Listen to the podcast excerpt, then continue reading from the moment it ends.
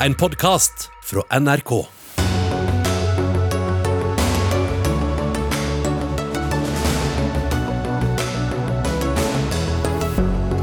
Finlands statsminister beklager etter et nytt festbilde. Journalister må spørre seg hvem som tjener på disse lekkasjene, mener en kommentator, og får støtte fra eksperthold. Et busselskap skal installere kameraer på bussene sine, for å være sikre på at sjåførene ikke sovner bak rattet. Vi nekter å la oss overvåke, protesterer en fagforening.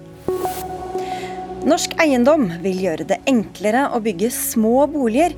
Det mener Arbeiderpartiet er bøttekott-politikk. Og det omtales som bestevennen. Nå er Snapchat det klart største mediet blant de unge. Vel møtt til Dagsnytt 18, hvor vi også etter hvert skal få inn to som kan komme til å knive om å bli leder i Miljøpartiet De Grønne. I studio Sigrid Solund.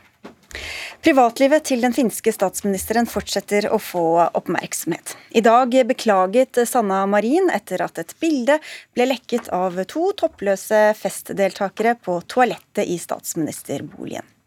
Forrige uke var det en festvideo som nådde offentligheten, og ifølge kritikerne hadde Marin dårlig dømmekraft som festet og danset utenfor ferien sin. Nå spekuleres det i om russiske trollfabrikker bidro til at videoen ble spredd så raskt.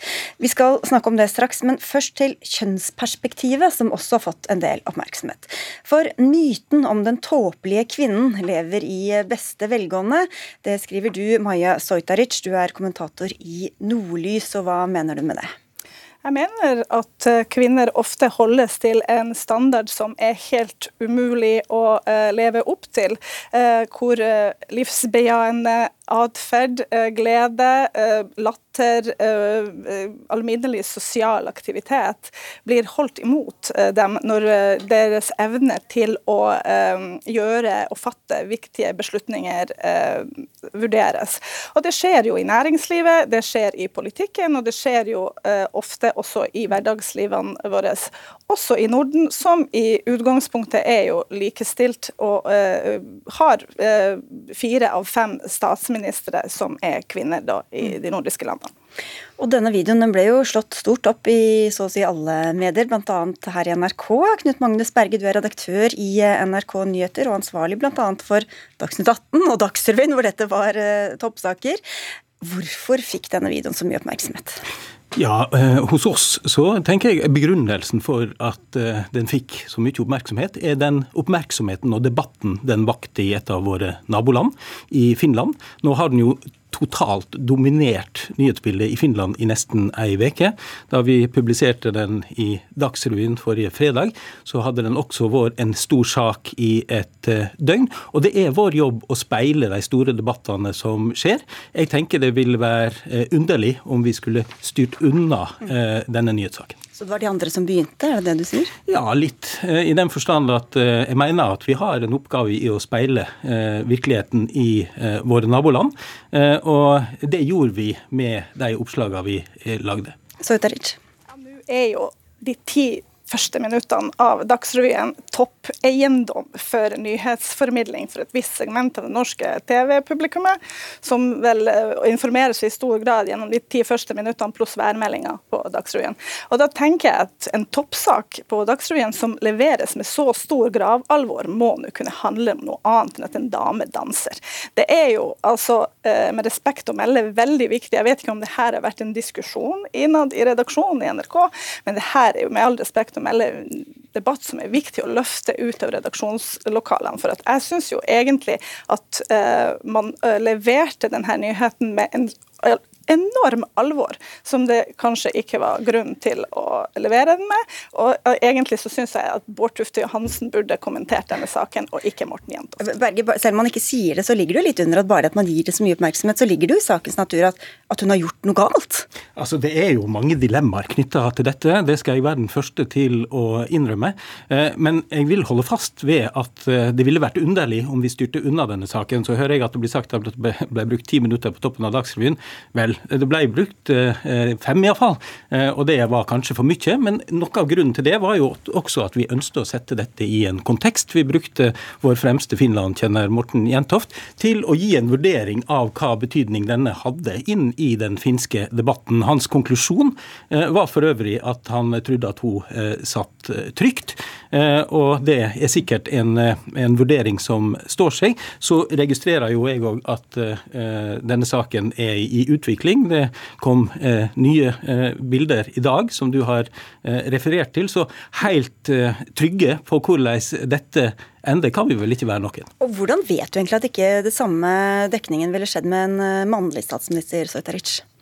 Altså, det er jo i alle redaksjoner gjøres det vurderinger hver dag om hva man skal utlevere av privatlivet til norske politikere i aviser og i nyheter.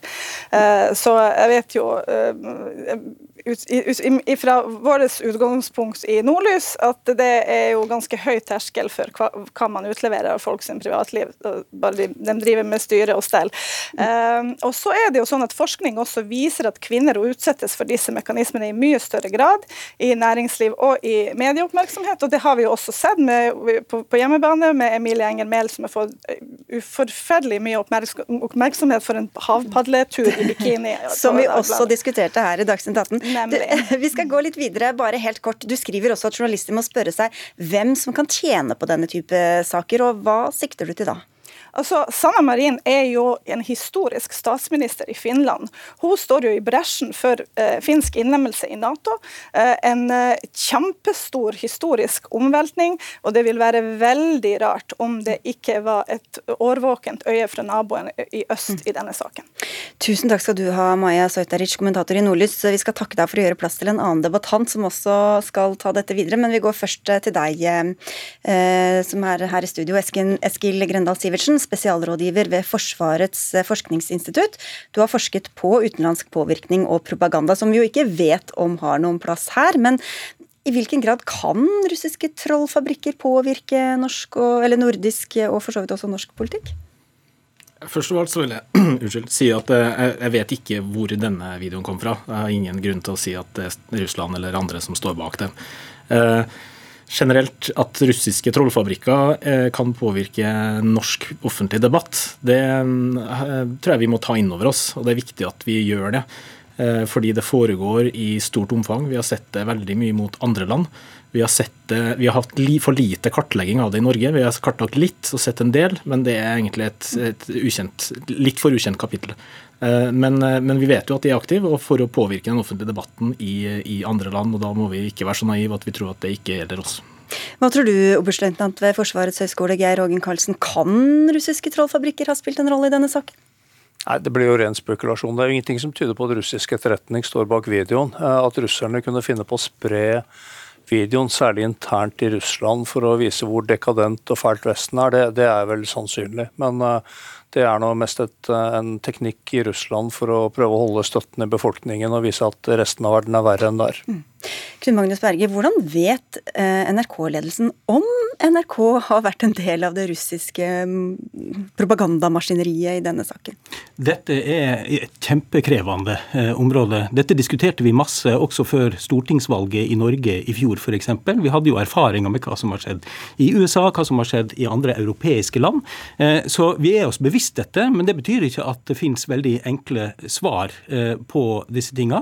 Det er jo normal kildekritikk politikk eh, som gjelder. Hvis en skal gå tilbake til eh, det finske eksempelet, som jo var utgangspunkt for eh, debatten, så er det jo ikke noe tvil om ektheten av videoen. Statsministeren har jo sjøl da gått god for den. Men, men det, det, det, det, er jo en video som, som da dukker opp i finske medier, og så blir den jo også brukt av andre. Hvordan vi skal dekke det, er et kjempedilemma for oss. Hvilke motiv kunne Nå aner vi ikke noen ting om det er Russland som står bak, bare for, å, bare for å si det fra denne plassen også, Geir Hågen Karlsen. Men hvilke motiver kunne uh, Russland ha hatt for å prøve å svekke den finske statsministeren? Altså Russlands tilnærming eh, i propaganda mot Vesten de siste årene, inkludert valget i USA i 2016, har egentlig vært å lage mest mulig splid og intern uenighet, sånn at vi holder oppmerksomheten på oss selv og har mindre energi og kapasitet til å, til å bry oss om hva Russland eh, gjør. Og som du sier nå, det er en vill spekulasjon dette her om, om de har stått bak, eller i hvert fall prøver å spre det. Uh, og så har de brukt alle metoder de klarer å komme over for å, for å finne på det. Og, Russland har også en lang historie med å lage og spre kompromitterende opplysninger om, eh, om politikere og motstandere. Ikke minst så bruker de internt i russisk politikk eh, kontinuerlig. Noe som er relativt lett, for de aller aller fleste er dønn korrupte. og Finner de noe på en vestlig politiker, så, så vil de gjerne prøve å bruke det. Men, men jeg tror ikke vi skal overdrive Russlands evne til å påvirke vestlig politikk. og Særlig etter at krigen startet, så, så, er det jo de aller aller færreste som vil ha noe som helst med Russland å gjøre. og Tilsvarende liten politisk innflytelse får de da.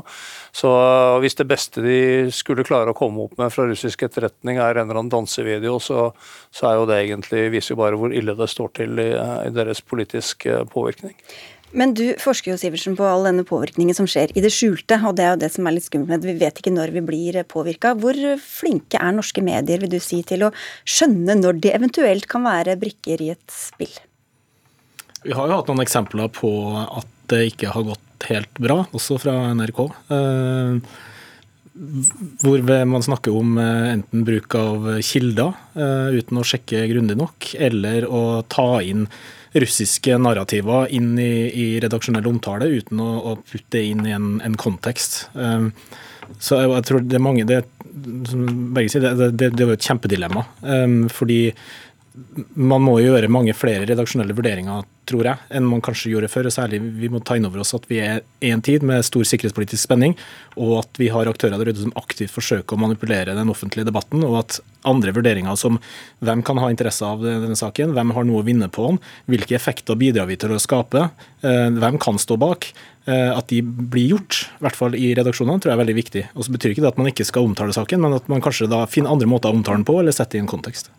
Ja, eh, og dette er jo eh, nøyaktig det vi prøver å gjøre. Så skal ikke jeg si at vi er ferdig utlært og eh, har funnet svaret på hvordan vi håndterer dette. Igjen, dette er et av de store dilemmaene i vår tid. Men at bevisstheten rundt at dette er en utfordring, er mye høyere nå enn bare for et par år siden, det er det ingen tvil om. Du sa jo at vi vet at videoen som vi snakket om nå, den er ekte. Vi vet ikke hvem som har lekket den. Men hvordan har NRK vurdert hvem som kan tjene på at den blir omtalt så mye, da? Nei, igjen så er vi der. For det første, dette er jo da en video som eh, ble spredd gjennom finske medier før den nådde eh, i og for seg resten av verden, i Russland inklusiv. Eh, sånn at det jeg tenker er, er vel mer at vi har en oppgave i å speile de store debattene. Vi har altså en situasjon der denne har totalt dominert i Finland i nesten ei uke. Det må vi eh, omtale. Vi er jo ellers ikke så ofte opptatt av hva som dominerer finske Vel, medier. Jeg vil påstå at med Finland på vei inn i Nato og den situasjonen vi har i Ukraina, så har vi nok vært flinkere på Finland de senere ukene og månedene enn vi kanskje har vært historisk. Så det er ikke den eneste saka vi har dekt fra eh, Finland, dette. Nei, Men at, at finske medier er fulle av noe det er generelt ikke et et eh, kriterium for hva NRK sender? Nei, det kan du si, men på den andre sida var jo utgangspunktet her også et spørsmål om eh, eh, hva grad eh, russiske interesser har på en måte vært delaktig i dette. Og her var det iallfall mulig å konstatere at eh, videoen var ekte, og også at eh, den ble spredd først gjennom finske medier. Sivertsen, eh, vi snakka også for eh, ikke så lenge siden om en annen video som ble lekket fra en um, diplomat i Murmansk, en sint norsk diplomat. Da snakker vi også om muligheten for at det kunne være russiske trollfabrikker involvert. Men er det en fare for at vi blir for paranoide, at vi ser spøkelser på høylys dag uh, ethvert hjørne? Ja, jeg tror man må, som Geir Hågen Karlsen sa også, vi, vi, vi, skal ikke overdrive dette, men vi må ta det på alvor. Eh, akkurat den videoen så jeg tror jeg nok man med større sikkerhet vil kunne si at her sto et russisk etterretning bak. For de, har, de driver med overvåkning av møteplasser for vestlige, inkludert hoteller. Og denne ville nok ikke blitt spredd uten at de hadde stått bak. Um, og Den tror jeg nok var mynta mer på et russisk publikum for å bekrefte en av mange russiske narrativer som selges overfor russiske befolkninger, nemlig at eh, Vesten og Europa er full av russerhat. Og Da fikk man jo her da et bevis på at det var sant. Men jeg tror, jeg tror vi skal ha tunga rett i munnen. Ikke bli konspirasjonsteoretikere, vi heller. Men uh, vær sunn skepsis og litt is i magen før vi klikker og deler og gjør gode redaksjonelle vurderinger i redaksjonene. Da sender vi det. Kunne følge opp den saken uh, til, mm. til Sivertsen, så, så, etter å ha kommentert krigen uh, i Ukraina nå i, over, i snart seks måneder, så har jeg vel egentlig ingen eksempler på at, at russisk propaganda har kommet noe til, til fått noe gjennomslag i norske medier. Men det jeg til gjengjeld har sett ganske mange ganger, det er at eh, journalister og redaksjoner eh, gjør store misforståelser av krigen og, og utviklingen og, og, hva som skjer. Eh, og det får jo full dekning i mediene. Så jeg tror det er en mye større utfordring enn, enn det lille som måtte dryppe gjennom. For øvrig så tror jeg vi må erkjenne at en dansende statsminister det er nå en gang en nyhet. I hvert fall når hun tvinges til å ta en, når hun tvinges til å ta en narkotest, så, så, er det definitivt en nyhet. Det er det vel ingen tvil om. Da var det støtte til deg, Knut Magnus Berge fra Geir Geir Hoggen Karlsen her. Og så takker vi til dere to, og til Maya Sojtaric og Eskil Grøndal Sivertsen. Takk skal dere ha.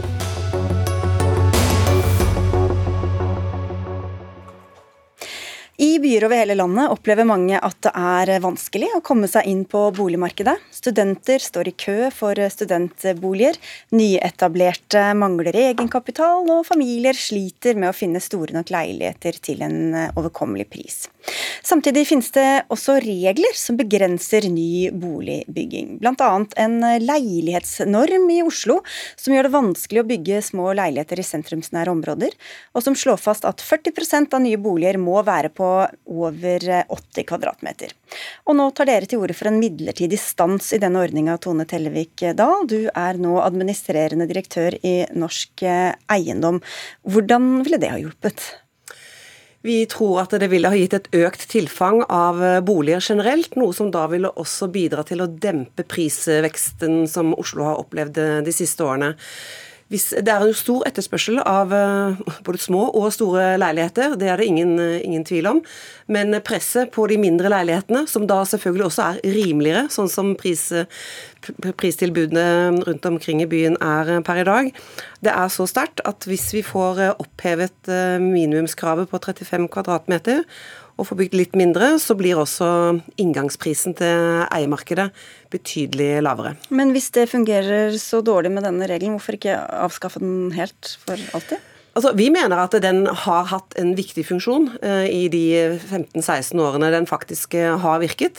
Den har bidratt til økt mangfold i boligtyper og boligstørrelser i sentrale deler av uh, Oslo. Men eh, det må ikke bli slik at eh, enhver regel som innføres en tid, skal på en måte vare til evig tid hvis situasjonen eller, eh, eller verktøyet mister sin virkning. Hvis noen syns at du ser og høres veldig kjent ut, så kan jeg bare nevne at du har vært en tidligere politiker for Arbeiderpartiet. Vi har med oss en, jeg vet ikke om du fortsatt er medlem der, men i hvert fall en tidligere partikollega av deg, Agnes Nærland Viljugrein. Du er vararepresentant til Stortinget og skriver i Aftenposten i dag at det å oppheve leilighetsnormen er bøttekott-politikk. Hvordan er det det?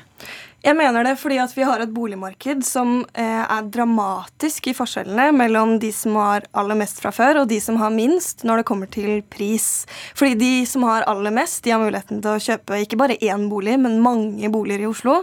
Mens de som har minst, de står utenfor boligmarkedet og ser inn på det, sånn som mange av oss unge. Og grunnen til at jeg mener det er bøttekott-politikk, det er fordi at eh, det å bygge enda eh, små leiligheter, det fører til én ting. Det fører til at de som vil investere i boligmarkedet, de tjener på på det, mens vi unge ikke får noe nytte av det. Men vet, Hvorfor vil ikke dette være godt for nettopp de unge som uh, ikke har råd til en større leilighet? Det er to grunner til det. For det første fordi at vi vet at det ikke fungerer til å dempe prisene på boligmarkedet. Plan- og bygningsetaten har sjøl anslått at det vil føre til ca. 80 nye boliger på fire år. Det er en dråpe i havet som ikke har noe særlig å si uansett. Og for det andre så vet vi at den fungerer til det den er ment for, leilighetsnormen, nemlig at vi skal få mer varierte boliger i hele byen. I Oslo sentrum så får du ikke bygge smått, men du kan bygge smått i 11 av 15 bydeler i Oslo. Så det er ikke sånn at det ikke er mulig å bygge små boliger til de som etterspør det. Men det vi sentrum trenger, og de, alle de jeg møter som lokalpolitikere, det er jo at vi trenger større boliger til familier og til folk som har lyst til å bo i sentrum lenger. Og hvis du opphever leilighetsnormen, så får du mindre av det når det er det motsatte vi trenger. At folk bor der i tre år, og så flytter de ut, til Tellevik Dahl? Ja, altså, uh, igjen, uh, Det er viktig, et viktig, viktig, virkemiddel for å få til en bedre boligmiks. Et større mangfold av uh, ulike familietyper, om du er singel eller storfamilie. alle skal kunne ha muligheten til en boligkarriere ulike steder i, i norske kommuner, men også internt i Oslo. Men Oslo har altså et skrikende behov for boliger. De bygger mindre boliger enn man trenger det fører altså, til færre, prisvekst. Færre boliger? Ja, altså, ja, altså ja. Det, det, er altfor få boliger som bygges. Mm. Det fører til prispress. Så, det, så jeg er uenig i det Viljegren sier, at uh, ved en opphevelse av leilighetsnormen så vil ikke det dempe prisene. Jo, fordi vi får et økt tilfang. Og det er også veldig skummelt å si at uh, en oppheving av den normen bare vil føre til 80 flere boliger. For den er jo beregnet på en måte hvor uh, tiltakshavere har prøvd å legge seg opp til normen, men kanskje ønsker hadde et håp da, om å kanskje få noe, eh, noe endret eh, fordeling. Men, men, men hvordan vet du at det, at det, er de unge som vil kjøpe dem, og ikke bare at prisene vil presses ytterligere oppover? fordi at mange bruker mange flere vil da kunne kjøpe bolig på spekulasjon? Det er riktig, men der har faktisk Solberg-regjeringen, og det er videreført av Støre-regjeringen, gjort endringer i skattelovgivningen knytta til sekundærboliger. Så eh, antall sekundærboliger, altså de som da påstås her å kjøpe boliger som en ren investering for å leie dem ut, eh, den gjengen der de har blitt betydelig færre eh, gjennom pandemien og etter innføringen av økt skattlegging av sekundærbolig. Sånn at det man kan gjøre som politiker, det er å tørre å være politiker, som eh, byrådslederen snakket om i hele går. Eh, det er å kanskje sette denne eh, veldig strenge detaljreguleringen av hvordan leilighetene skal fordeles, og heller si ja, men vi kan gi slipp, vi kan bygge flere små leiligheter, men vi krever tilbake at dere etablerer det i borettslag, hvor det faktisk er boplikt, og investorene altså ikke går inn. Altså, nå snakker dere om regler som gjelder for Oslo, men dette er jo også problemer i hele landet, i alle store byer. og Hvem skal få råd til å bo der, og hvor skal folk bo? Men er det så ille, eller hvorfor må alle folk bo overalt? Hvorfor ikke ha noen steder der hvor her er det mest unge som bor, eller flest eldre som bor, eller her bor småbarnsfamilier? Jeg mener at Det er kjempeviktig at vi trenger varierte bomiljøer over hele byen vår. Oslo er jo en skikkelig delt by med store forskjeller mellom øst og vest. Og Skal vi klare å få ned de forskjellene, så trenger vi varierte boliger over hele byen.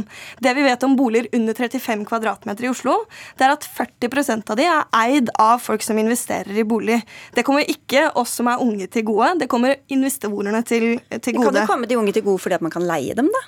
Ja, for eksempel, men jeg mener jo at det, det, siste vi trenger, det er jo flere som kjøper sekundærbolig i Oslo.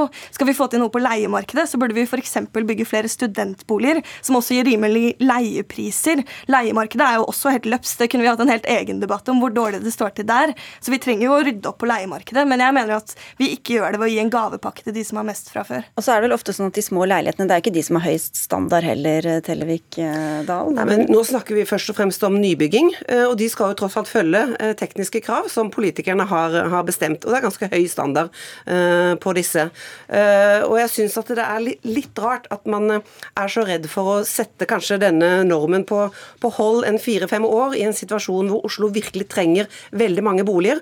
Og er det noe denne politikken fører til, så er det å gjøre det enda vanskeligere for unge uh, å komme inn på boligmarkedet. For skal du kjøpe en 35 kvadratmeters bolig, som da er det minste Arbeiderpartiet i, i, i bystyret ønsker at man skal få lov å bygge nytt, så må du altså betale over 3 millioner kroner og ha 600 000 i egenkapital. Det er fortsatt sånn at dere bygger opp under økt klasseskille i bolig i Oslo gjennom å ikke senke terskelen. Oslo, nå får vi, kommer til å få så mye kjeft. Du får få ti sekunder på slutten her, Viljegrein. Det viktigste vi må gjøre for å dempe prisene, det er å stoppe de som investerer i boligmarkedet. Det gjør vi ikke ved å bygge små boliger, det gjør vi med å bygge gode boliger til alle. Okay. Takk, da kom den eh, kampropet der. Eh, Agnes eh, Nærland Viljegrein sto bak det. Hun er vararepresentant i Stortinget for Arbeiderpartiet. Og takk til Tone Tellevik Dahl, som er administrerende direktør i Norsk Eiendom.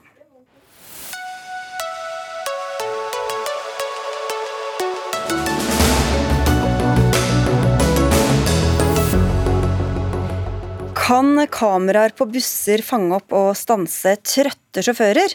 Utpå våren neste år så kommer busselskapet Unibuss til å installere kameraer på en del av bussene sine. De skal fange opp gjesp og andre tegn til trøtthet blant bussjåførene. Det var Fagbladet som omtalte saken først, men dette minner mer om Stasi-overvåkning enn noe annet, sier du Marit Sauge. Du er både bussjåfør og leder i Bussarbeiderklubben, som representerer flere av disse sjåførene som dette vil gjelde. Hva er det dere reagerer sånn på? Eh, det er veldig mange ting vi reagerer på. Eh, det, altså, når det er mangel på informasjon og usikkerhet om hvilken teknologi som vil bli brukt, eh, så er det klart at vi, vi kommer med veldig mange spørsmål. Og når jeg snakker med mine kolleger, så viser det seg at de er ukjent med det. De har ingen informasjon. Og så etter hvert jeg prøvde å finne ut hva det er, hva det vil resultere i, hva det vil bidra med, eller vil, hvilke følger det vil få. Eh, og så kom jeg frem til at eh, dette er ikke for sikkerhet. Dette vil skape mer usikkerhet. Eh, jeg kan godt begrunne det etter hvert, men jeg, men jeg kunne godt tenke meg å få noe svar på eh, om det er snakk om kameraovervåking. For da, for da er det jo spørsmål om det er lov å overvåke ansatte på arbeidsplassen. Jeg har varslet dette inn for Datatilsynet, fordi det er ulovlig. Men så har jeg fått signaler om at det er ikke det det dreier seg om. Det er eh, en annen teknologi.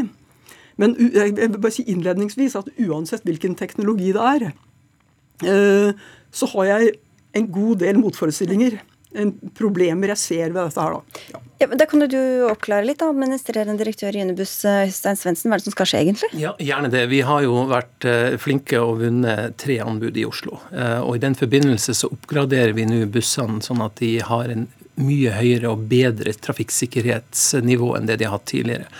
Og Det gjør vi ved at vi konstruerer bussene på en annen måte, sånn at hvis man er uheldig og er i en ulykke, så sitter man mye mer beskytta.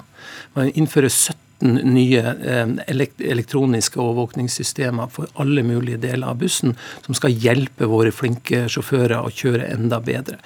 Eh, og Dette er da ett av disse, disse systemene som vi snakker om. og Det systemet der det skal da si fra til fører dersom eh, man er trøtt. Ingen andre skal se dette. Denne dataen skal forbli altså Hvis, hvis en gjesper, f.eks., så får du beskjed på øret at nå må hvis, du Ja, hvis man lukker igjen øynene. Oh, hvis man lukker igjen øynene. Um, og, og det, det, er et viktig, viktig, tema, dette her, for det kan jo skje at man er litt trøtt og uopplagt på jobben. Uh, og konsekvensene da er så store at vi syns det var riktig å ha et sånt system. Men det er viktig å presisere dette er ikke noe overvåkning. Ingen utenforstående får se disse dataene. Det er en sak som føreren skal bruke sjøl. Hva er da problemet, Sauge? Nei, altså, jeg bør innledningsvis også spørre da om eh, hvilket signal får føreren. La oss si at jeg lukker øynene, og så reagerer systemet. Hva er reaksjonen jeg får som sjåfør? Det blir et lydsignal. Lydsignal, Hva tenker da passasjerene?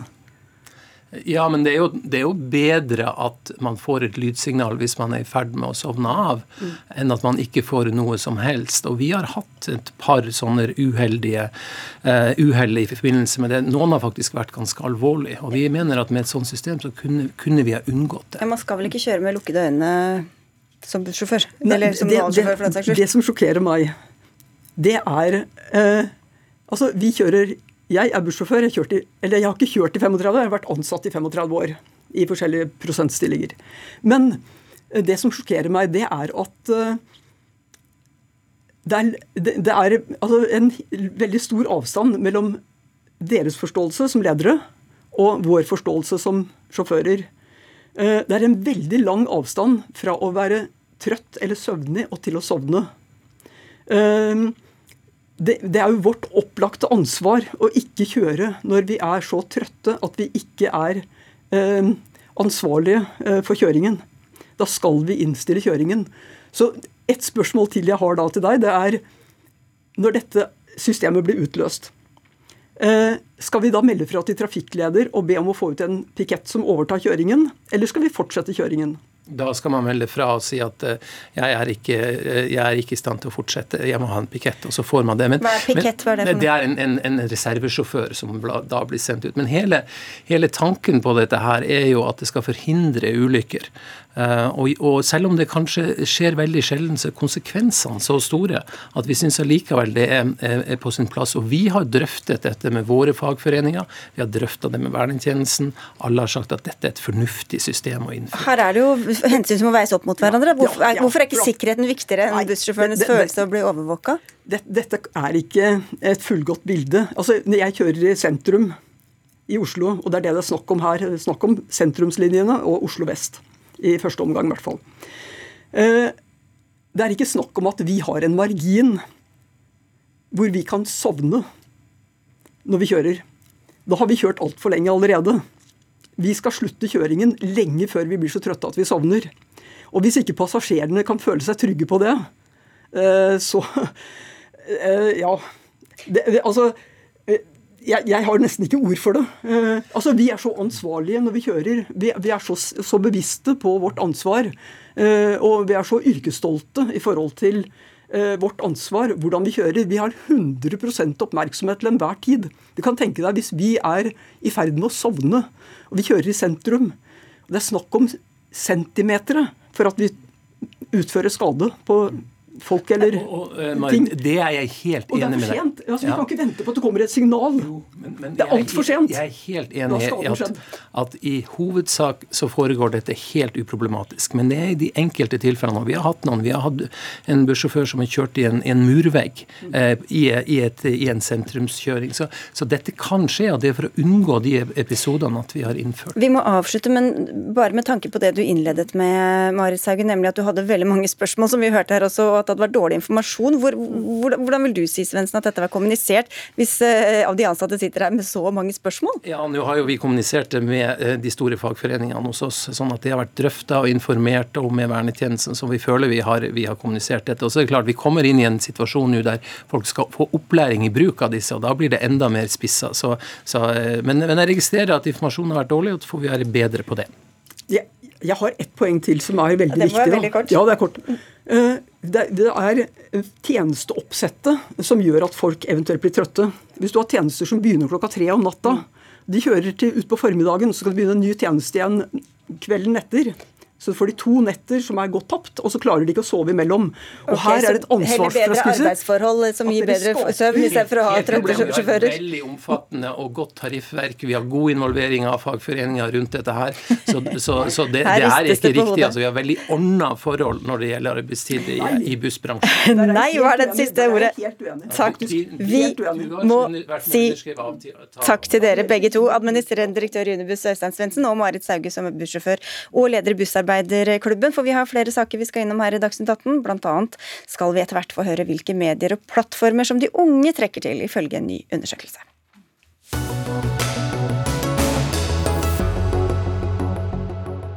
Men før det til et stadig tilbakevendende tema her i Dagsnytt 18. Ikke strømpriser, men snus. Nordmenn reiser til Sverige for å få seg snus, som ikke inneholder tobakk. Det er nemlig ulovlig å selge i Norge.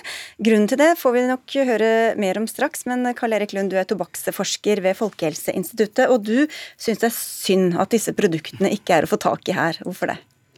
Altså Det betyr jo da at det minst farlige produktet på nikotinmarkedet får de dårligste konkurransevilkårene, mens helt klart mye farligere produkter da får dårligere konkurransevilkår. Så det er jo et paradoks at sigarettene f.eks., som eh, kan selges fra 20 000 utsalgssteder 24-7 og tar livet av halvparten av kundene, eh, de kan selges da fritt, mens dette produktet, som da kanskje kunne konkurrere med sigarettene, eller kanskje til og med konkurrere ut sigarettene, det får da dårligere markedsvilkår. Hva slags snus er det snakk om her? Ja, det, det, er en det, Altså tobakken er jo da fjernet fra disse nikotinposene. Eh, så, men nikotinen kommer jo, det er et derivat fra tobakksplanten. Men det er plantefiber i det. Eh, og det er altså små poser som da ser ut som snus, men det inneholder altså da ikke tobakk, men det har da eh, nikotin. Som man blir avhengig av, da, men som ikke er så skadelig? Det kan man bli avhengig av, men det er ikke så veldig skadelig med nikotin. Linda Granlund, du er divisjonsdirektør Folke, for folkehelse og forebygging i Helsedirektoratet, og dere har møttes flere ganger før her hos oss. Hvorfor skal dette minst farlige produktet være lov å selge i Norge? Nei, Det er jo for å beskytte barn og unge, eller ungdommer og nye ungdomsgenerasjoner mot nikotinavhengighet. Eh, og, og, det er sånn at det, Lovgivningen når det gjelder nye tobakks- og nikotinprodukter, er at det, vi skal hindre at nye generasjoner blir nikotinavhengig. Eh, og vi skal spesielt hensynta om de nye produktene appellerer til, til ungdommer og bidrar til å normalisere bruken av tobakks- og nikotinprodukter. Og Nikotin er et giftstoff som er sterkt avhengighetsskapende. Eh, og vi ønsker derfor ikke at eh, nye generasjoner blir avhengig av nikotin. Og dette er jo dette dilemmaet dere alltid er inne her og snakker om, eh, Lund. Hvorfor skal disse røykerne du snakker om veie tyngre enn de unge? Nei, jeg mener med at vi må hensynta røykerne tyngst. Det er en gruppe, en ressurssvak gruppe som hvis de fortsetter å røyke, er veldig sårbare for veldig alvorlige dødelige sykdommer som kols, lungekreft, hjerte-karsykdommer osv. De 800 000 røykerne som nå gjenstår, de har altså ikke da latt seg affisere av den tradisjonelle tobakkspolitikken, og de trenger skadereduserende overgang til mindre farlig nikotinopptak. Så jeg mener at vi må først rekke da ta hensyn til disse røykerne, og så får vi på en måte akseptere da at det er noen ungdommer som vil komme til å bruke dette. Men all markedstesting av disse produktene tyder jo på at dette i første rekke appellerer til røykerne, og det er bra. Du skal få ordet, Granlund. Vi skal få inn en annen her også. Nils Erlimo, du er kommunikasjonsdirektør i den norske avdelingen for snusfabrikken Swedish, Swedish Match. Hvordan stiller dere dere til dette forbudet i Norge? Vi syns jo det er eh, merkelig eh, og ulogisk at vi da må putte tobakk i produktene vi selger i Norge, eh, mot vår vilje. Eh, for vi ønsker jo egentlig å da kunne tilby alternativer til tradisjonelle sigaretter, og dette ser vi på som nok et alternativ eh, som vi mener kunne vært solgt i Norge. Det høres jo litt rart ut, eh, Granlund? Ja, men dette her er ganske forståelig. Jeg skal prøve å forklare det. Og jeg tenker at Her kan man gjøre begge deler. Vi har to tanker i hodet. Vi vil både bidra til at de som i dag røyker eller snuser, går over til mindre helseskadelige produkter og samtidig som vi beskytter dagens unge, som ikke i dag bruker noe for å begynne med, med denne type produkter. Og, og, Dersom man ønsker å da eh, få dagens røykere til å gå over til denne type snus, så kan dette selges som legemiddel via apotek. og Da vil det være et eh, nikotinprodukt som er tilgjengelig på, på apoteket. Eh, og Da vil det appellere til nettopp de som i dag ønsker å slutte å røyke, eller slutte med den snusen de bruker i dag, men det vil ikke ha så stor appell hos dagens unge som ikke bruker denne type produkter. Så vi mener at ved å regulere det innenfor, som, som et legemiddel, søknad via Statens legemiddelverk, så klarer man å både få til en skadereduksjon og oppnå det som jeg hører at både snusprodusentene og Kalle Lund tar til orde for. Men samtidig så klarer vi å beskytte eh, dagens unge mot nye produkter som kommer til å appellere i større grad til nybruk og nyoppstart. Og det kan man jo allerede gjøre, Lund. Man kan gå på apoteket og få dette som hjelp til røykestopp. Ja, men det har ikke vært noen suksess. Eh, som legemiddel, altså de fleste røykerne de følger seg ikke som pasienter og vil ikke ha terapi, og de oppsøker ikke eh, nikotin via legemidler. Det har vi erfaring for. Det er som konsumprodukt at dette kan ha appell til den røykebefolkningen utover de 20% av røykerne som gjør da et årlig forsøk på å slutte å røyke. Det er de til de resterende 80 som da egentlig ikke ønsker å slutte med nikotin, men de ønsker et mindre farlig opptak av nikotin som dette produktet kan være skadereduserende for. Men i dag så er det jo, hvis du ser på den gruppa som bruker mest snus i dag, de mellom 16 og 24 år, eller i hvert fall som starter opp med snus, så er det 1% av de som røyker daglig. Så markedet der er ganske lite hvis man skal få disse over på, på de nye produktene. De som røyker mest eh, i Norge i dag, er jo de fra 55 og oppover. Og de tenker jeg de kan fint gå på apoteket og kjøpe, kjøpe dette produktet eh, med samme innhold som det nå er søkt godkjent om men da kategorisert som et legemiddel, og ta det sammen med oppfølging i helsetjenesten. Det er det vi ser er den beste røykeavvenningen. Og Der er dere altså uenige, men Erlimo, hvem er det som bruker deres produkter, da, de som er tobakksfrie? Ja, De som er tobakksfrie, eh, de, eh, de selger vi jo da ikke i Norge. Nei, men de, dere selger dem jo andre steder. Ja, vi selger de andre steder. Ja, det er egentlig et bredt spekter av eh, alle over 18 år. Så man kan ikke si at det er liksom én en enkelt gruppe. Eh, men, men, jeg syns jo Jeg vil bare eh, hekte meg på litt det, det Granlund nevnte, at det er 1% av unge eh, eller vok unge voksne i Norge som røyker. Det er jo fantastisk bra. Mm. Det er flott. Det tror jeg vi alle tre er enige om. Og så man, kan man diskutere eh, veien videre eh, derfra. Men når man ser at i andre land hvor man for ikke har alt, mindre skadelige alternativer. Eh, altså Gjennomsnittet i EU er at 15% dagligrøyking i samme aldersgruppe. Eh, så, så, jeg syns jo det er viktig at man har eh, andre alternativer. Eh, så mange alternativer som mulig, ja. og de skal selvfølgelig selges strengt regulert, sånn som vi gjør i Norge. Med mindre man da legger mer vekt på det alternativet som er å ikke begynne med noen ting. Hva er det dere gjør for å lokke til dere unge brukere, da? Vi gjør ikke noe for å lokke til oss unge brukere. Hva er det de unge bruker? Altså, man Men- kan men- jo ha smakstilsetninger, Ja. eksempel. Hva er det dere gjør da, som Altså, de unge når, liker? Ja, men når det kommer til tobakksfri snus, da, eh, så mener vi at dette er et bedre alternativ enn tradisjonelle sigaretter. Og da mener vi Punkt 1. De som er under 18 år, skal ikke bruke noen form for nikotin. Om det er nikotinplaster eller eh, snus eller andre produkter. Eh, men når man er over 18 år, så burde det være mulig å velge det minst skadelige produktet. Og da mener vi faktisk at det er en fordel at det fins produkter da som har en større appell enn tradisjonelle sigaretter. Om det er f.eks. at de har eh, en annen sma eh, en smak enn tobakkssmak. Granlund, hva sier du til det? Nei, Vi syns det er veldig fint at snusprodusentene tar et folkehelseansvar og bidrar til at det kommer nye nikotinprodukter på markedet, dersom de reguleres som legemidler, og bidrar til at de i dag som bruker produkter fra før av, enten, eh, enten røyk eller, eller snus, går over til de produktene. Men ikke at eh, de bidrar til å rekruttere nye brukere. Det er jo det vi er engstelige for. Og jeg regner med at det er jo det som også fører til en bunnlinjevekst hos snusprodusentene. Men det er jo bare spekulasjoner fra min side. Ja, jeg, vil bare, jeg vil bare knytte en, en kommentar til eh, til, til at det, det, som er, det som er poenget for oss, er liksom at vi, vi må, vi, må vi, vi, ønsker å, å kunne tilby, tilby, dette alternativet ikke som et legemiddel, fordi at det er da har vi hatt i Norge lenge. Eh, og det viser seg at det vil ikke folk ha. Eh, det, det, ble kommentert her tidligere. Um, og, men, men hvordan vet dere at de, det, det, er rett og slett mer effektivt at det tilbys som et konsumentprodukt enn som et legemiddel. Men Da snakker du om de som allerede røyker og som vil over på noe som er mindre skadelig. Men de som ikke går på noen ting fra før av, hvordan vet du at alternativet for dem er sigaretter eller snus med tobakk? Og ikke, og ikke begynne med noen ting i det hele tatt. Men la meg være klar på at det, det, definitivt Vi er alle enige om at det sunneste er å ikke bruke noen form for nikotin. Eh, men hvis man da er over 18 år og velger å bruke nikotin, så mener vi at man skal få velge det minst skadelige. Skjønner. Og til slutt her da, eh, Granlund, så sa du at det var, må være mulig å ha to tanker i, i, hodet samtidig. Men når vi nå ser at det ikke fungerer så godt, da, hvis vi skal tro på Lund her, med de som eh, allerede røyker og ikke egentlig har tenkt å slutte med nikotin, hvorfor skal da hensynet til de potensielle unge brukerne veie tyngre enn alle de som kan ha store helseproblemer?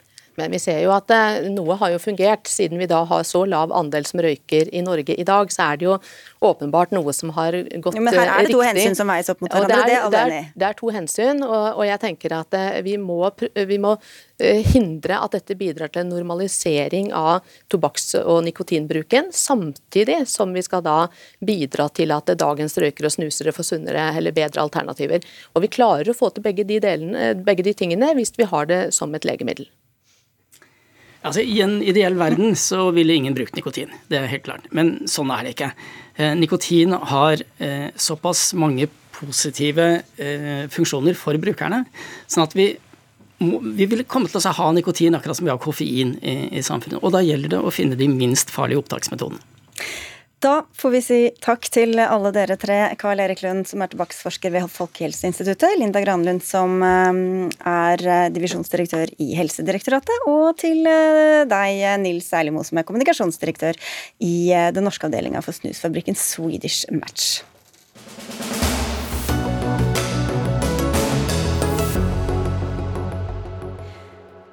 Hvor skal Miljøpartiet De Grønne gå framover? Det er noe av det partiet må ta stilling til når det nå skal velge ny leder på et ekstraordinært landsmøte i november. I forrige uke annonserte Une Bastholm at hun trekker seg som leder. Grunnen var hensynet til familien og mulighetene eller umulighetene med å få kabalen til å gå opp. I bakgrunnen lurer også en havarikommisjon som konkluderte med at MDG ble for krast, for enspora og for kompromissløst under fjorårets stortingsvalgkamp. Kommisjonen ble ledet av fungerende partileder Arild Hermstad, som også har sagt at han ønsker å ta over som leder permanent. Men Sigrid Sette Heiberg, du er nå leder i Oslo MDG. og er også en av dem som vurderer å stille som lederkandidat. Og ifølge Dagsavisen så er jo ikke du enig i utgangspunktet her, altså i det Havarikommisjonen konkluderte med. Hvorfor er du ikke det? Ja, Havarikommisjonen, det er dine ord, da. For jeg er ikke enig at det var et havari. Evalueringen, da. Det var en evaluering av en valgkamp som vi kunne ha gjort mye bedre, men der vi òg gjorde mye bedre, og der MDG gikk fram. Vi gikk fra én til tre stortingsrepresentanter, og vi flytta norsk debatt milelangt, eh, mener jeg. Så derfor er jeg ikke enig i det utgangspunktet og det verdensbildet som er at MDG er for eh, krasse eller for tydelige. Tvert imot så mener jeg at tida er i ferd med å renne fra oss i klima- og naturkrisa. Og vi trenger, Norge trenger, verden trenger, et veldig tydelig og ærlig klima- og miljøparti. Og det er MDG nødt til å være òg framover. Men hvis partiet da legger dette, som ikke var en havarikommisjon, men en evaluering til grunn når man nå skal velge politikk framover, hva kan skje hvis, eh, hvis konklusjonen får leve at det blei for krast og kompromissløst? Ja, Det jeg er redd for, for det, det står mye klokt i den evalueringsrapporten og den prosessen som Arild leder, men det jeg eh, er redd for, er at vi eh, i MDG skal la oss skremme av andre parti sitt skremmebilde av oss. For det jeg mener at mye av det som skjedde i forrige valgkamp, det er at vi var ikke godt nok forberedt på det massive trøkket det var fra andre parti når vi går ut og utfordrer Norges største og mest lønnsomme næring når vi går ut mot den rådende politikken, så får vi en vanvittig trøkk mot oss, og det må vi klare å stå i. Og, og vite at våre politiske løsninger er de beste. Så, så må vi eh, fortsette på den kursen og bli bedre til å drive miljø- og klimapolitikk, og bli bedre til å vise fram de gode, positive løsningene som vi har for folk sin hverdag. Arild Hermstad, allerede introdusert. Eh, konkluderte dere feil? Nei, Det er jo ganske viktig å si at selv om jeg ledet det arbeidet, så var det, dette var jo ikke mine ord. Eh, dette var ordene til både våre medlemmer, som ga tilbakemeldinger på valgkampen, eh, og på de som, eh, veldig mange som vurderte å stemme oss. Det var 15% som vurderte å stemme oss, som, som valgte å stemme på et annet parti. Og jeg tror jo at vi har jo én veldig opp, viktig oppgave, og det er å si det som ingen andre tør. Å være den stemmen i norsk politikk som flytter debatten, og som eh, utfordrer alle de andre partiene. Men den andre rollen vi har, det er jo at vi skal jo trygge de velgerne som også vil ha et eh, at, Å vise at vi har gode løsninger for trygge jobber, for lokalsamfunnet til folk, og for å jevne ut forskjeller. Så det er ikke noe, det er ikke noe sånn at man, Hvis man velger miljø, så må man velge bort Nei. andre saker. Og Men, det tror jeg vi, vi, skal vise frem også fremover. Men du sa at dere skal være de som, som tør å si ting. Men hva var det dere sa feil, da? Nei, jeg, jeg, er ikke så opptatt av akkurat valgkampen i 2021. Nei, det som jeg er opptatt av... Det er jo fordi at, ser, at, dere må se framover, og hva er det dere skal være som dere kanskje ikke var? Altså Det jeg merker når jeg eh, snakker med folk Jeg eh, reiste kysten rundt eh, i fjor høst, og har også reist mye og da snak, i, i vår, og da snakker med folk som sier sånn de er utrolig opptatt av miljøsaken. De er bekymret, og det er det jo all mulig grunn til. Men de er også opptatt av hvilke løsninger har vi for å skape nye jobber. Hvilke, hvordan er det, blir det å bo i mitt lokalsamfunn, og hva gjør dere for f.eks. For, folk som lever i en vanskelig livssituasjon. Og Den gode nyheten er at vi er jo et grønt parti som tar livene til folk på alvor. Eh, og den historien må vi faktisk fortelle mer av fremover. Heiberg, valgundersøkelsen fra Institutt for samfunnsforskning som kom i forrige uke, viste at klima og miljø var den viktigste saken i stortingsvalget. Når dere da fortsatt på dette tidspunktet ikke klarte å mobilisere, hvor, hvordan er det å spisse budskapet ytterligere veien å gå for å få flere velgere? Ja, Det er jo nettopp sånn at det blir stadig flere velgere som mener at klima og miljø er den viktigste saken. Og Hvorfor er det sånn? Jo, det er bl.a. fordi at vi klarer å sette den saken på den politiske dagsordenen. Og fordi at alle fornuftige folk ser rundt seg at klimaendringene er i ferd med å skje.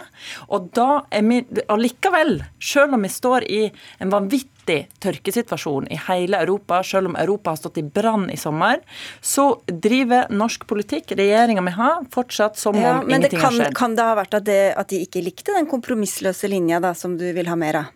Det kan være at eh, det at så mange av de andre partiene eh, drev med skremselspropaganda og, for, og fortalte eh, eh ikke direkte sannheter om oss gjennom valgkampen, det kan ha påvirka mange velgere til ikke tørre å stemme på oss. Det er de andres feil. Ja, det, det, er jo en totalsituasjon. Det er jo vi som ikke har gjort en god nok jobb i valgkampen til å overbevise nok velgere. Men det, og det er det vi må klare framover. Vi må vise tydelig fram hva som er vårt prosjekt. Og vi må vise fram sånn som vi gjør det i Oslo, der vi styrer, der vi gjennomfører god klima- og miljøpolitikk som gjør hverdagen bedre for folk. Ja, og det, Dette er jo faktisk en vinn-vinn-situasjon. Det er jo ikke sånn at uh, vi trenger å velge. og jeg tror, uh, Foreløpig har jeg ikke hørt at Sigrid mente det var feil å gå til valg på f.eks. 80% kutt i klimagassene innen 2030. At vi burde vært enda uh, hardere i politikken vår. For det tror, Jeg tror egentlig vi er veldig enige om politikken vår, og vi er også enige om at ting blir bedre med mer grønn politikk, og at ja. vi har en politikk for, uh, for alle mennesker og som ja. gjør livene deres faktisk også Men bedre. Men du sier også til Aftenposten Heiberg at du liker Hermstad godt, men at uh, om han er den riktige til å lede oss som parti, det er et annet spørsmål. Og hva er svaret på det spørsmålet? Ja, Det gleder jeg meg veldig til å finne ut av de neste månedene. fordi det som er veldig viktig nå, det er at Arild, andre potensielle lederkandidater og vi som parti setter en tydelig felles kurs for MDG sitt prosjekt videre. Og Det er veldig viktig at vi får til, fordi MDG har en vanvittig viktig rolle i å spille i norsk politikk for å flytte debatten, for å presse de andre partiene. For vi har ingen tid til å miste til å få Norge inn på en grønnere kurs. Men er du redd for at han blir for slapp, da? Eh, jeg tror dette skal gå veldig fint, og jeg gleder meg til videre debatt. Eh, som jeg tror er veldig viktig at vi tar i partiet vårt om hvor vi skal gå videre. Har du bestemt deg for om du vil stille det? Nei, ikke ennå. Hermstad, du fikk litt oppmerksomhet eh, etter at Une Bastholm trakk seg, og du sa at du hadde en fordel fordi du hadde store barn som var flytta hjemmefra. Heiberg sitter her og har vel en ettåring eller noe rundt der. Har hun en ulempe i så fall, da? Nei, altså dette var et ubetenksomt uh, ut, en uttalelse fra meg som egentlig handlet om hvilken livssituasjon jeg er i. Uh, og jeg vil jo si at det er jo ikke bare en fordel at barna har flyttet ut. Det betyr jo at man savner ungene sine av og til. Så det, jeg, tenker jo at, jeg tenker at vi må bli flinkere som samfunn. Jeg er glad for den debatten, for vi trenger å tilrettelegge for at alle kan være med, og at småbarnsforeldre selvfølgelig skal også være med. Og jeg tror ikke det er liksom situasjonen på hjemmebane som skal bestemme hvem som skal bli partileder i MDG. Jeg gleder meg til den debatten vi skal ha om det. Høres ut som du angrer litt på den uh hvordan de ordene falt, eller? Altså, det, det, var noe med hvordan det, det foregikk, ja. Men det, det jeg tenker, det, har vært en veldig viktig debatt, og jeg, jeg, tenker vi skal fortsette å ta den debatten i, i, ikke bare i politikken, men også i resten av samfunnet. For det er klart at vi gjør for lite i dag for å tilrettelegge for at alle skal være med. Og MDGs landsstyre er innkalt til et møte på torsdag for å spikre planen for ledervalget, og ligger som nevnt an til å bli avholdt ekstraordinært landsmøte 25. eller 26. november. Så får vi se hvor mange utfordrere du får, Arild Hermstad, og om du blir en av dem, Sigrid Seth Heiberg. Takk skal dere ha, begge to.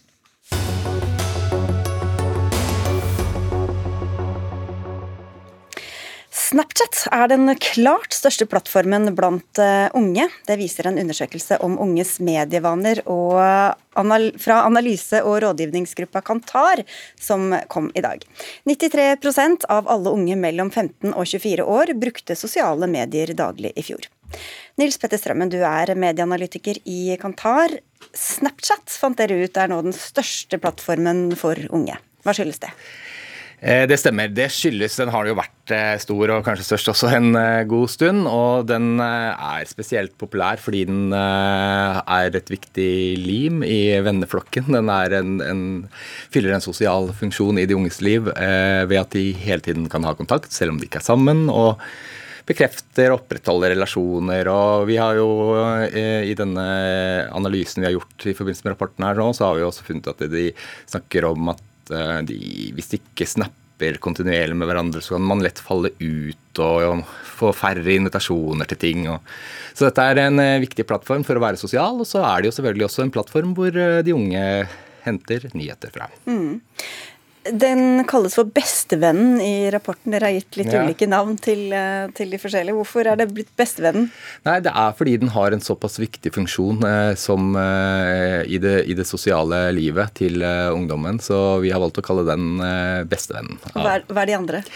Nei, har, eh, Instagram har vi gitt navnet Influenseren, som kanskje er litt sånn beskri altså beskriver seg sjøl. Vi vet jo det er mange influensere. altså Der finner man inspirasjon inspirasjon og, og, og ikke minst liksom, ja, eh, tips og råd og ting man kanskje ønsker å kjøpe eller gjøre. og eh, Kanskje oppleves som et litt sånn eh, polert, en polert mediekanal. Og så har du YouTube som er læremesteren. Der kan man finne, finne stoff og, og, videoer om ting som man lurer på. Om, og inspirasjon også, selvfølgelig. Som er nyttig. Men YouTube har også gått tilbake Stemmer. Hva skyldes det? Det skyldes eh, nykommeren fra 2018, TikTok, eh, tror vi først og fremst. Altså TikTok har fått et enormt sterkt fotfeste i denne målgruppa som vi, vi um, beskriver i denne rapporten. Det er fra 15 til 24 år. Og den fyller noe av den samme funksjonen av TikTok som det YouTube gjør. Og de unge har ønsker seg kortere videoer, og eh, TikTok har vært mye flinkere da, til å på en måte engasjere og gi ungdommen relevant innhold på en måte som de liker å få den presentert på. Og Dagsnytt 18, hvor viktig er det for ungdommen? Dessverre så sier rapporten vår veldig lite om det. Men jeg typisk, dere utelater tror ikke dere kommer veldig høyt på, på, statistikken hvis vi skulle satt på Ok, Nok om det. Ja. Bare Viken, du er redaksjonsleder i eh, NRKs Unge redaksjon. Eh, ikke bare Dagsnytt 18, men lineær-TV og lineær radio er vel ikke så veldig mye brukt i det hele tatt eh, blant ungdommen, eller? Eh, ikke så mye. Eh, og derfor er jo vi på tredjepartsplattformer som f.eks. Eh, Snapchat, der hvor vi eh, satser eh, ganske stort nå. Um, og vi ser jo at vi når ganske mange der. Nå har vi snart 270 000 abonnenter, og på det meste så når vi opp mot 600 000 unike. Eh, alle, stort sett alle under 30 år. Eh, så vi ser jo at vi klarer å treffe når vi klarer å være der hvor de er, og appellere på den måten de liker å konsumere innhold på. Hvorfor er det så viktig å nå denne målgruppa for også NRK? Altså For NRK så er det viktig fordi det er en del av samfunnsoppdraget vårt. Vi skal treffe alle.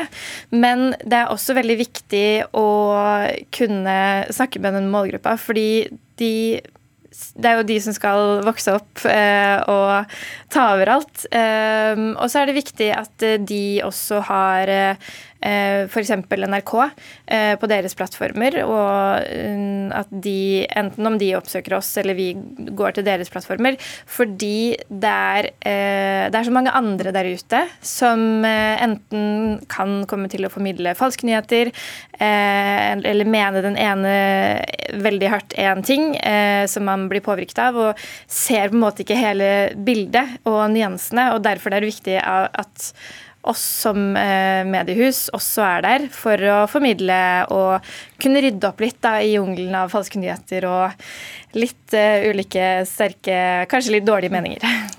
Strømmen, Mange av disse mediene eller sosiale mediene er jo veldig visuelle. Hvor, hvor mye orker de unge å lese når de f.eks. skal få med seg nyheter? da? Eh, de sier jo at de har dårlige ting, og at de vil ha det kort og konsist. Og det er jo selvfølgelig derfor også disse plattformene som tilbyr dette kortformatet og en rask oversikt over nyhetsbildet, eh, har såpass stor appell. Så ja, det er eh, de de er sikkert gode til å lese, men eh, de bruker nok den eh, energien kanskje først og fremst til skolebøker. Og så vil de ha nyhetsbilde og underholdning på en litt mm. annen måte, og litt sånn kortere og komprimert og mer fart. Vi har jo i mange år vi kan snakke om eh, de gamle mediene, og så er det de nye sosiale mediene. Men hvor tydelig er egentlig det skillet? Hvor mening, mye mening gir det å snakke om et sånt skille i dag? Det gir jo ganske mye mening, fordi eh, de unge er nesten ikke på de tradisjonelle mediene som eh, vi er vant til. Eh, og da må vi kunne klare å bevege oss over. Og det er på en måte ikke bare vår Nei, det er ikke, det er ikke bare unges feil at de ikke At de leser mindre nyheter og oppsøker oss mindre på de tradisjonelle plattformene. Det er også vår egen feil og vår oppgave å være der hvor de unge er. Så de tradisjonelle mediene går inn i de sosiale mediene ja. i dag. Og så er det veldig mange foreldrestrømmen som er bekymra og kritiske og har mye dårlig samvittighet for hvor mye de unge og barna sitter på skjerm, enten det er bare ved å konsumere eller å være på sosiale medier. Men hva kan være positivt ved denne tidsbruken? Nei, altså det er, jo, eh, det er jo mye nyttig som foregår. Det er mye læring som ligger i, i å være på de riktige stedene på disse plattformene. Og jeg tror jo ungdommen sjøl også er bekymra for at de bruker mye tid og føler at de kaster bort mye tid. Og så fyller de på med litt uh, nyhetsinnhold, kanskje fra Bahare og VG og, og, de som er på disse plattformene. Men altså, den bekymringen som ligger i uh, økt mediekonsum, både fra foreldre og ungdom skal man ta på alvor, men eh, vi, vi, må også se og belyse de positive sidene ved at eh, ungdom har et vindu ut mot verden eh, gjennom sosiale medier og, og, og nettsider som ingen tidligere generasjoner har hatt før de. Så de får perspektiver og, og ja, nye perspektiver som kanskje ikke jeg hadde så når jeg var ung. Du nikker bare, Viken, så jeg antar du er enig til eh, det budskapet. Ja, og det sier jo også rapporten at veldig mange unge kan kanskje irritere seg litt da, over det kanskje foreldrene tenker på, uh, på hva de gjør på sosiale medier. Men det er så mye mer enn det det en gang var. Flere ting. Takk skal dere ha begge to. Gro Arneberg, Eli Kyrkjebø og Sigrid Solund takk for følget gjennom denne Dagsnytt 18-sendinga.